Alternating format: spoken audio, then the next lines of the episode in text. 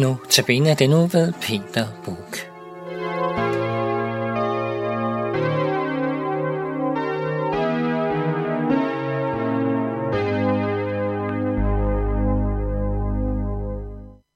Velkommen til øh, seks udsendelser inden for det, der hedder Notabene. Sådan nogle små udsendelser om, øh, om tro og det at være et menneske. Og øh, jeg hedder Peter Buk og er sovnepræst i Højdøringskirken, i hvert fald et stykke tid endnu.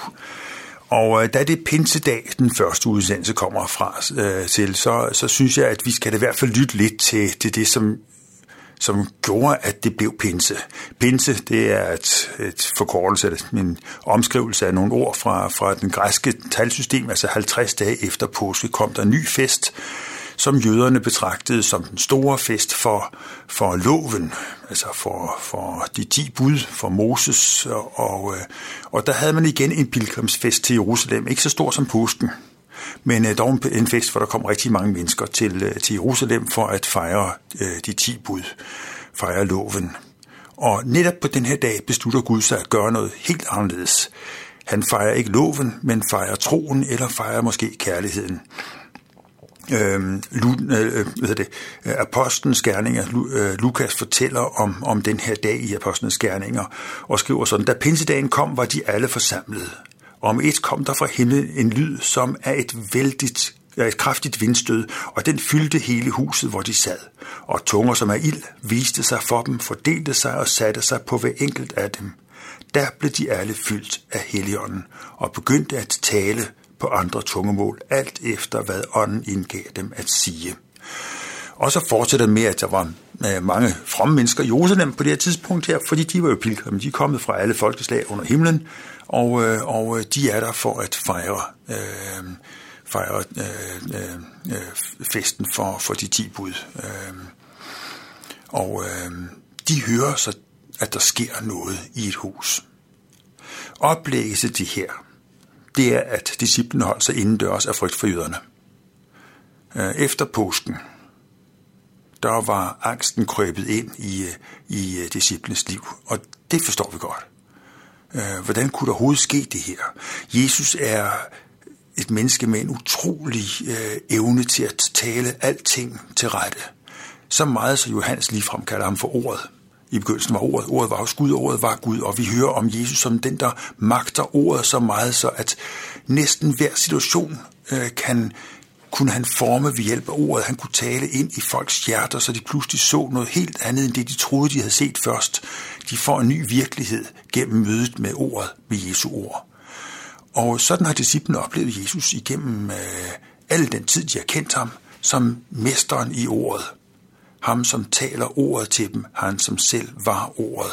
Så tydeligt blev den øh, gerning, han havde med ordet, at de kaldte ham ordet. Øh, ordet var hos Gud, og ordet var Gud. Og så står der, at ordet kom til os. Jesus kom ind i vores verden. Men øh, op til påsken havde disciplene lært Jesus at kende som den, der magtede alle situationer. I påsken opdagede de pludselig, at ordet blev tavst. At Jesus ikke kunne sige noget. At det, som var kendetegnet ved ham, det forsvandt. Øh, vi bruger ordet Øh, Øh, karismatisk om ledere, som, som kan sige noget, som taler sådan, så folk de virkelig synes, at det er en god tale der. Og Jesus er vel på den måde en karismatisk taler. Øh, vi ved godt, at ordet karisma kommer fra græsk og fra nådegaver, og, og dermed blevet brugt på en lidt alternativ måde i vores samfund. Men, men øh, her mistede Jesus sin karisma, synes disciplene. Vi andre kan jo se, og disciplene med os efter et stykke tid, at det Jesus gjorde, var at udføre det, han havde lært dem at vende den anden kæmpe til, at bede for sine fjender, at velsigne dem, der forbandede, og at vinde en sejr, hvor han ikke tog sig til rette, men gav afkald på sin ret for en langt større, større sags skyld. Han gik ind i døden for din skyld, for min skyld, for at vinde en evig sejr, som ikke kunne vindes ved hjælp af vold og magt og ødelæggelse. Men disciplene, de kunne godt huske Jesu ord øh, med, med, øh, øh, med at, at øh, en, en øh, disciple står ikke over sin mester. Og disciple, nu har vi, vi bruger det græske ord der, men det burde være en lærling. En lærling står ikke over sin mester. Sådan, sådan er det jo ikke. Altså, det er mesteren, man går til mesterlærer. Og øh, hvis det går øh, mesteren dårligt, så går det altså også lærlingen dårligt. Og øh, nu var deres gået mesteren rigtig dårligt. Vi er altså stadigvæk i tiden lige efter påske. Og disciplen havde mistet deres håb totalt. For deres mester var det gået skidt, og nu havde de kun én ting at regne med, at de ville gå dem endnu værre. De holdt sig inde af frygt for jøderne. Det tror jeg. De var dødsens angst for at blive slået ihjel, for at det skulle gå dem, ligesom det var gået Jesus. Men pinsedag skete der noget. Et eller andet gjorde det helt anderledes. De åbnede vinduerne, slog dørene op, og de råbte ud til folk. Og nu skal I høre, hvad de sagde. Øh, ting, som man siger, det, det, det, det er lige ved at være pinligt. Øh, de siger, at øh, øh, denne Jesus har Gud lavet opstå, det er vi alle vidner på. Han er ophøjet til Guds højre hånd, øh, og har fra faderen fået heligånden som lovet. Øh, og den har han nu udgydt. Øh, så skal hele Israels hus vide for vist, at den Jesus, som I har korsfæstet, har Gud gjort til både Herre og Kristus, altså Messias. De, siger, de peger simpelthen på det, der skete i påsken, hvor mennesker var med til at slå Jesus ihjel. Og siger, det er det, I gjorde.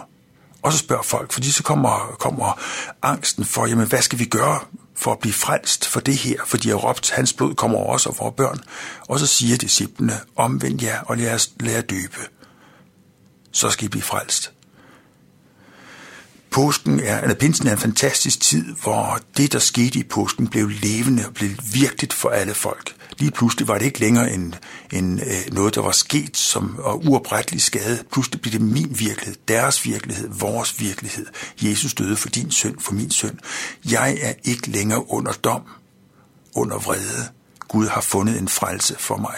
En frelse, som bærer igennem hele verden. Og disciplene vidste, at nu var der intet, der kunne skille dem fra Guds kærlighed, for Jesus havde vist sin kærlighed ved at gå i døden for dem.